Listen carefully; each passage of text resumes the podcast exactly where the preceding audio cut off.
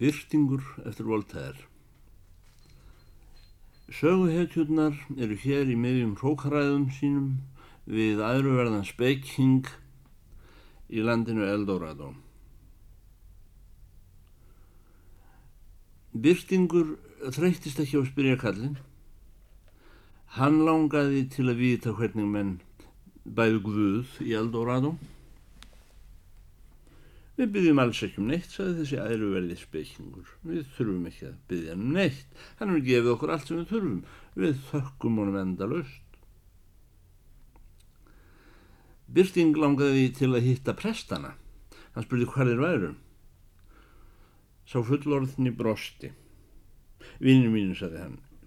Við erum allir prestar. Kongurinn og allir fjölskyldu höfingjarnir syngjónum í þakklætiskinni morguntíðir hátíðlega á hverjum degi og fimm eða sex þúsund söngmenn leika undir á hljóðfæri. Ha? Eru hér þá ekki neynir munkar sem uppfræða, disputera, stjórna, pukra og brenna fólk sem er á öðru máli? Þá erum við orðin vittlausir, saði öldungurinn, Við hérna erum allir á sömu skoðun og við skiljum ekki hvað er eigi við með þessu mungatali í þar. Byrtingur saði hrifin við sjálfan sig. Þetta er eitthvað annað en í vestfælíu og í kastalanum hjá greifanum. Hefði vínur voru altunga komið til Eldorado, myndi hann ekki hafa haldið því fram að kastalinn hundardan trónk væri bestur í heimi og það er áræðanlega holdt að ferðast. Eftir langar viðræður let þessi sóma Karl beita sex rollum fyrir vagn og bað tólf þjóna sína fylgja þeim félugum til hyrðarinnar.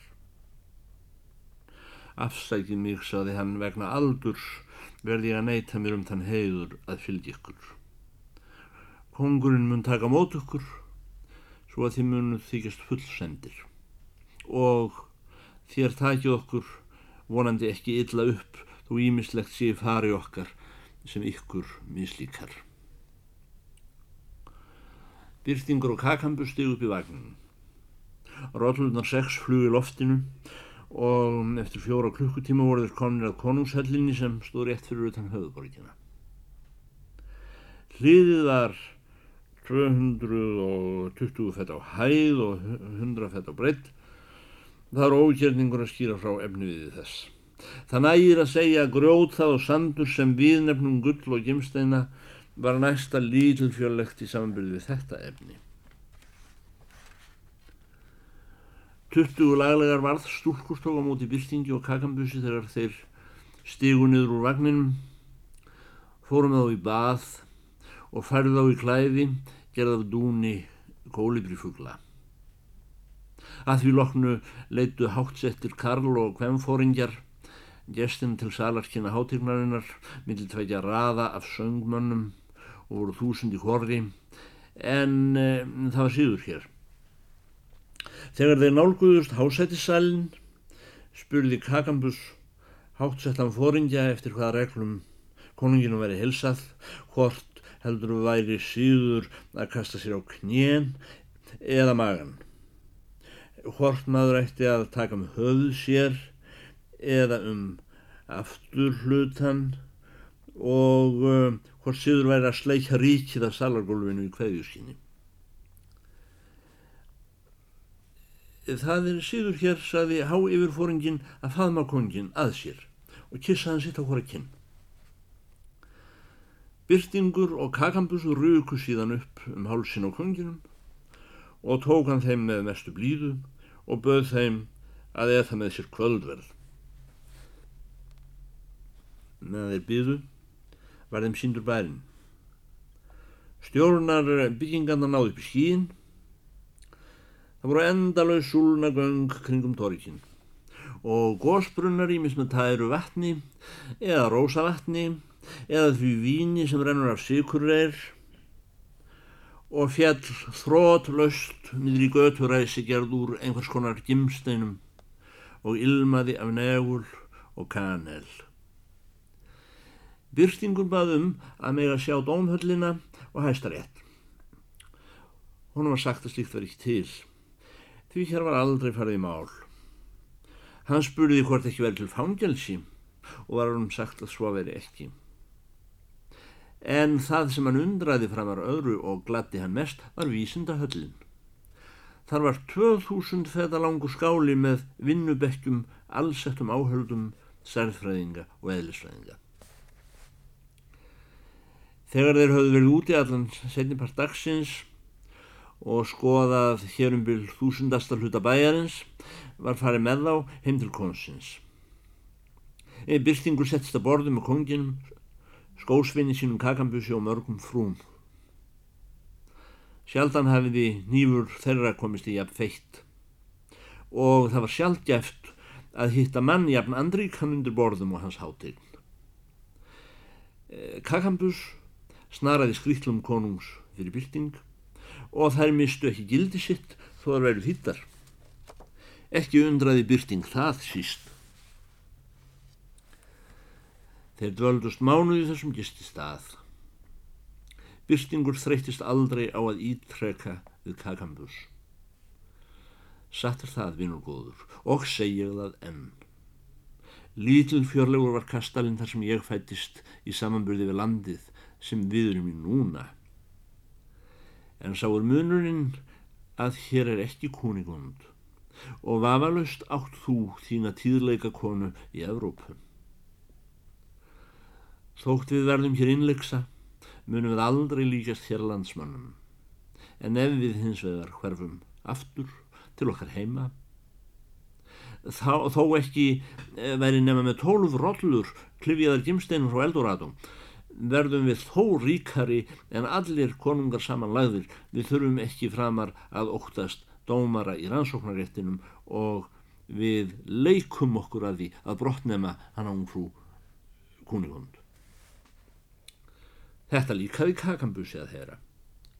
Fólk vil vera á ferð og flugi, vera að tala menn með mönnum heima hjá sér, vil segja öðrum sögurnar af því sem það hefur séð í úrlandum og þessir tveir hamingjumenn ákváðu að vera ekki lengur hamingjusamir, heldur byggja konungin fara að lefis. Þetta er vittleins af ykkur, sagði konungurinn. Vel veit ég að land mitt er ekki merkilegt en ef manni líður þólanlega einhver stað þá á maður vera þar kýr. Ég hef að sönnu ekki rétt til að halda útlendingum, slikt veri harðstjórn, að því tægi sem ekki er síður í, í landi voru. Allir mennur frjálsir, farið burt þegar ykkur listir, en það er ekki auðhlaupið að komast hérna. Það er ófær bakaleiðin upp ána ströymhörðu sem rennur undir fjallið og bar ykkur hingað með kraftaverki. Fjöllin sem umkringja konsríki mitt eru tíu þúsund fett á hæð og þver nýpt eins og múrvekkur. Aug þess er hvert þeirra meir en tíu mílur á breytt og það er standverk hinnum einn. En úr því e, þið viljið óður og uppvægir komast burt þá skal ég byggja yfirmenn vélanna að finna upp vél til að flytja ykkur á þægilegan hátt. Þegar ykkur hefur verið fyllt yfir háfjallið þá má enginn fara með ykkur lengra. Því þegnar mínir hafa svarið þess eigið að fara aldrei yfir landamærin og þeir eru of vel viti bornir til að rjúfa þannig eigið. Alls annars meði byggja mig. Við byggjumst ekki annars að við þar hátegn en þér gefið okkur nokkrar rollur, klifjaðar af matvælum, möl og for úr landinu. Kongurum fór að hlæja. Ekki get ég skilið, sagði hann, hvað ykkur Evrópumönnum getur þótt varið í þessa gulu leðju okkar. En takið eins mikið af henni burt með okkur og þið viljið og verðu okkur á góðu. Hann gaf verkfræðingum sínum strax skipum um að gera vél sem halaði þessa tvo einkennlegu menn upp úr komstríkinu. Þrjú þúsund ágætis eðlisfræðingar unnuða smíðinni. Vélinn var tilbúin eftir halvan mánuð og kostaði meirinn 20 miljón pund sterling í þeirra gjaldmiðli. Byrtingur og kakambus voru látnir í haligræjurnar. Þangað voru látnar með þeim tvær stórar rollur, rauðar á lit, á samt nakkubeisli og skildu duga þeim sem fara skjótar þegar þeir væri komin yfir fjöllin. En fyrir 20 klifjarollur undir matvælum, 30 klifjaðar af alls konar fásíðum dýrgrupum landsins og 50 klifjaðar af gulli gimsteinum og demöndum. Konungurinn myndist blíðlega við þennar tvo flækinga að skilnaði. Brottför þeirra var fögur aðtöfn og stór gáfuleg aðferð svo sem höfðar til að vinda þá á samt rollónum upp á fjallið. Verkflæðingarnir báðu þeim virkta þegar þau komið þeim á örugan stað og nú hefði byrtingur ekki aðra löngun nýja annað takmark en færa hún frú kúnigund rollunar. Nú skorti ekki lausnar gjald fyrir hún frú kúnigund ef ríkistjórnin í góðviðru skildi með hann til fjárs að henn. Stefnum til Kajanis stígum þar á skip og sjáum til hvaða kongsríki við getum kæft okkur. 19. kapitúli Það sem fyrir þá kom í súrnámu og hvernig byrtingur kynntist margteini. Fyrsta daginn gekk ferðamannunum alltaf vild. Þeim var mikil hugarhægð að vita að þeir áttu nú meiri auðæfi en hægt var að reyta saman í Asíu, Evrópu og Afríku. Byrtingur var í sjöfunda himni og risti nafn kúnigundar á tréen. Á öðrum degi fóru tvaðir rollunar á kafi mýri og sukku með klifjónum. Nokkrum dögum síðar sprungu aðrar tvær rollur af þreytum. Sjöð átt að horfjallu í eðimörk nokkur í. Aðra hröpuðu fyrir björg nokkrum dögum senna. Það lokum, eftir hundra daga ferðalag, áttu þeir ekki eftir nema tvær róllur. Byrstingur meldi við kakambús. Vinnur góður, þú sérð hvað fallvöld eru heimsins gæði. Það er ekkert sem var einum að dyðið inn og svo hamingja sem er í því fallin að sjá ungfrú kúningund aftur. Það held ég að segja satt, segði Kakambus. En við hefum þó enn eftir tvær róllur ásamt meðri auðaðum að spánar konungur og nokkum tíma átt. Og þarna grill ég í fjaska borg sem við grunar að muni vera borgin Súrnáma. Hún tilheyrir hollenskum. Innan skams verður endir á þrengingum okkar og upphaf á hamingjuláni. Þegar það nálguðst borgina. Eh, Rákstur og Bláman eh, sem láð þar á jörðinni ekki nema í helmínum af fötum sínum eh, þar að segja einum bláum bómullar stuttbúsum. Það vant á þennan að vinstri fótin og hægri höndina. Ég byrð og segi, saði Byrtingur við hann á hollensku. Hvað er það að gera þarna í þessu hróðalega ásikkomulagi lagsi? Ég er að býða eftir honum húsbóndar mínum sem er frægur kaupmaður og heitar hæra Fandýrdandur svaraði blámaðurinn. Er það hæra Fandýrdandur sem hefur farið svona með þig, spurði Bristingur. Já, herrar minn, saði blámaðurinn. Þetta er síður Þeir láta mann hafa eina tauskílu tvísvar á ári og það er alltaf sumt. Ef við förum með fingurinn í kvöldnina þegar við erum að vinna í sikrinum þá högva þeir á okkur höndina. Ef við ætlum að strúka högva þeir okkur fótinn. Hvort vekki hefur þetta komið fyrir mig. Þetta er verðið á síkrinu sem borðið í Evrópu. Samt sæði móður mín við mig þegar hún seldi mig fyrir tíu Patagóníuskildinga á Gínauslandum hér um árið. Kæra barni mitt, verðstu þakkláttur við skurðgóðin okkar. Dyrkaðu þau sínt og heilagt, þau munu gera úr þér hamingjum mann. Þú hefur þá æru að vera þræll hjá herrónum okkar, þeim hvítu. Og þar með komast pappitur og mamma í efni. Æjæja, ekki veit ég hvort ég hef komist, komið þeim í efni, en ekki komið þau mér í efni. Hundar, apar og páfagögar eru þúsund sinnum hamingju saman við. Þessi hollensku skurðkóð sem mér var turnað til segja á hverjum sunnudegi að við séum all Adamsbörn, svartir sem hvítir. Ég er ekki ættfræðingur. En ef þessir predikarar segja satt, erum við all sískina börn. Þér hljótuð að játa að enginn getur farið svona hróðalega með frendfólk sitt. Æ, alltunga minn, hrópaði byrstingur, aldrei dætt þér slík svífur það í hug. Það er áreðanlegt að fyrir það setna gefst ég upp á þessari bjart síniðinni. Hvað er þessi bjart síni annars, saði Kakambus. Æ, saði Byrstingur, það er svo brjálsemi sem fælnir í því að halda því fram að allt sé í lægi þegar allt er í ólægi. Hann gæti ekki tára bundist þegar hann horfði á blámans greið og með tárin í augunum kom hann til súrnámu. Það fyrsta sem þeir spurðu um var það hvort ekki verið í höfnin einhver fleita sem hægt var að sykla til góðiðru. Sá maður sem þeir höfðu hitt fyrir var einmitt spænskur skipstjóri sem bauðst til að eiga við þá heiðaleg viðskipti. Hann setti þeim stefnumót í gildaskála. Byrtingur og tryggðatrölli kakambús fóru þanga með kindnur sínar tvær að hitta mann.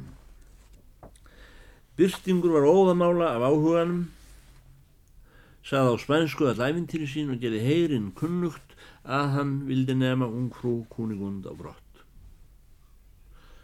Mér dettur ekki huga að fara með okkur til góðviður og sæðiskjöfstjórun. Ég var hindur og þér líka. Hún kúnigund fagra er eftirlætis frillan ríkistjórnars. Við þessi tíðindi varð byrtingu sem þrjumulostin og grétt lengi. Að lokum tók hann kakambús á eintal. Sjáðum kæri vínur, hvað þú verður að gera, saði hann. Við erum hórum sig með 5 eða 6 miljónir í demöndum í vöðsum. Þú ert ráð snjallar en ég. Farðu nú til góðu viðru og sæktu um frú konigund. Ef ríkistjórin kemur með einhverju vífilengjur þá gefa honum miljón. Ef hann lætur ekki undan látt hann hafa tvær. E, þú hefur ekki drepið dómara í rannsóknaréttinum svo enginn hefur illan byrður á þér. Ég ger út annað skip og býð eftir þér í feneium. Það er frjálsland þar sem það þarf horkið óttast búlgaran í abara nýja gýðingan í dómarar ansóknaréttum. Eh, Kakambusi fannst þetta virðulega ákvarðum. Hann var harm þrungin út af því að þurfa að skiljast við þennan góða húsbónda sinn sem orðin var einlegur vinnur hans. En ánægja hans yfir því að geta orðið honum til gags vó upp á móti sorginni yfir skilnaðin þegar föðnuðu skrátandi byrtingur myndi hann á að gleima ekki kellingargreinu gamla. Kakambus lagði á stað sama daginn það var meiri príðistrengur en þessi kakambus.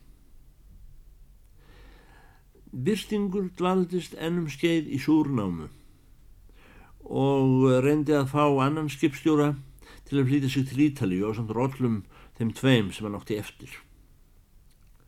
Hann tók vinnufólk og byrði sig að öllum nöðsynum til langferðar.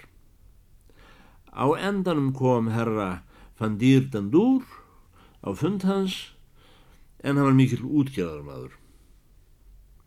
Hann spurði mann þennan svo. E, hvað sitt þér upp fyrir að flytja mig beint til fenæja á samt vinnufólki mínu, farangri og þessum tveim róllum þarna? Skipherran krafðist tíu þúsund pjastra. Byrtingur var ekki lengi að ganga því.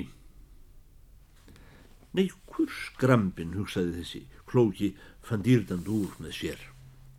Þessi útlendingur borgar tíu þúsund pjastra. Sá hlýtur að vera múraður. Hann kom aftur eftir dálitla stund og leta á sér skilja að hann treysti sér ekki til að leggja á stað fyrir minnum 20.000 pjastra. Jæja, þér skulle fá þá, saði Byrstingur. Nú það er svona, saði köpmaðurinn í hljóði við sjálfan sig. Þessi maður er jafnfús að borga 20.000 eins og tíu. Hann kom aftur og saðist ekki geta fluttan til fennaja fyrir minnan 30.000 pjastra. Ég skulle fá 30.000, sagði Byrstingur. Jæja, sagði hollandski kvöldmaðurinn við sjálf á sig. Svo þennan kallmjörnur eitt um 30.000 pjastra. Þessar róllur hljóta að bera morð fjár. Það er best að setja ekki meira upp í bíli. Látum að borga 30.000 pjastra fyrst og sjáum síðan hvað settur. Byrtingur seldi tvo ofurlittla demanta og var hinn minni þeirra þó meira verður en upphæðin sem skiparan hafi krafist. Hann borgaði fyrirfram. Rótlunar voru fluttar út í skipið. Byrstingur fór á eftir í litlum báti út af skipinu þar sem það láfið akkeri. En skipherran hafi gæt rá, sett upp segl, létti akkerum. Byr var á. Byrstingur horfið snarringlaður á eftir skipinu þess að voru horfið sín. Þessi brella hefði vel gett stað í fornaldarsögunum, saði hann. Hann snýri til lands yfir búaður á harmi. Þannig hafði hann í einu vetfangi mist fjármunni sem hefðu geta gert 20 envaldskonunga. Hann gekk á fund hollandska dómarans og með því hann var í slæmu skapi þá barði hann óvart hálf ókustislega dyrum. Hann gengur inn segir alltaf létta um sína hægi og talaði heldur herrinan þurfti. Dómarinn byrjaði með því að gera honum að greiða 10.000 pjastra fyrir háðaðan sem hann gerði. Síðan hlustaði á hann þólan móður. Lofaði honum að aðtuga máli þegar kaupmaðurinn kemi aftur úr ferð sinni og leta hann borga aðra 10.000 pjastra í þóknum fyrir áhörnina. Þessi framkoma var til að fullkomna örvendingu byrstings. Hann hafði að vísu ratað í margt ólánið verðan þetta, en óskamfellin í dómarans og skipstjórans sem hafði stólið af honum eh, kom gallinu á stadiónum og kastaði honum út í svartasta þunglindi. Ílska mannfólksins byrtist honum í allri sinni andstið og það sóktu á honum dapurlegar hugmyndir. Loks var skip eitt franst að sigla til Bordóar og þar sem hann átti ekki fleiri róllur klifiða demöntum að hafa með sér skip þá tók hann á leigu litla káetu við sangjörnu verði og gerði herin kunnugt í bænum að hann veri fús að greiða fyrir far og fæði og gefa auk þess tíu þúsund pjastra einhverjum heiðverðu manni sem vildi ferðast með honum með þeim skilurðum að maðurum væri orðin hundlegur og sjálfum sér og mesti óránsmaður landsfjörðungum.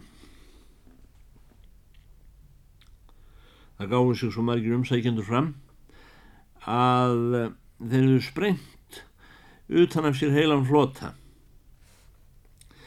Byrstingur vildi velja einn úr hópi þeirra sem helst gáttu komið til greina og sapnaði saman 20 manns sem honum virtust þesslegir að umgangast og allir þóttust sjálfkjörnir. Hann let þá sapnast saman í gistjúsi sínu, lofaði síðan að velja þann sem hann þætti lakast kominn og hefði fylst ástöðu til að vera ónæður með hægi sína, en hinnum lofaði hann einhverju aðréttu. Þessi fundur stóði yfir þá mútið klukkan fjögur á mótni.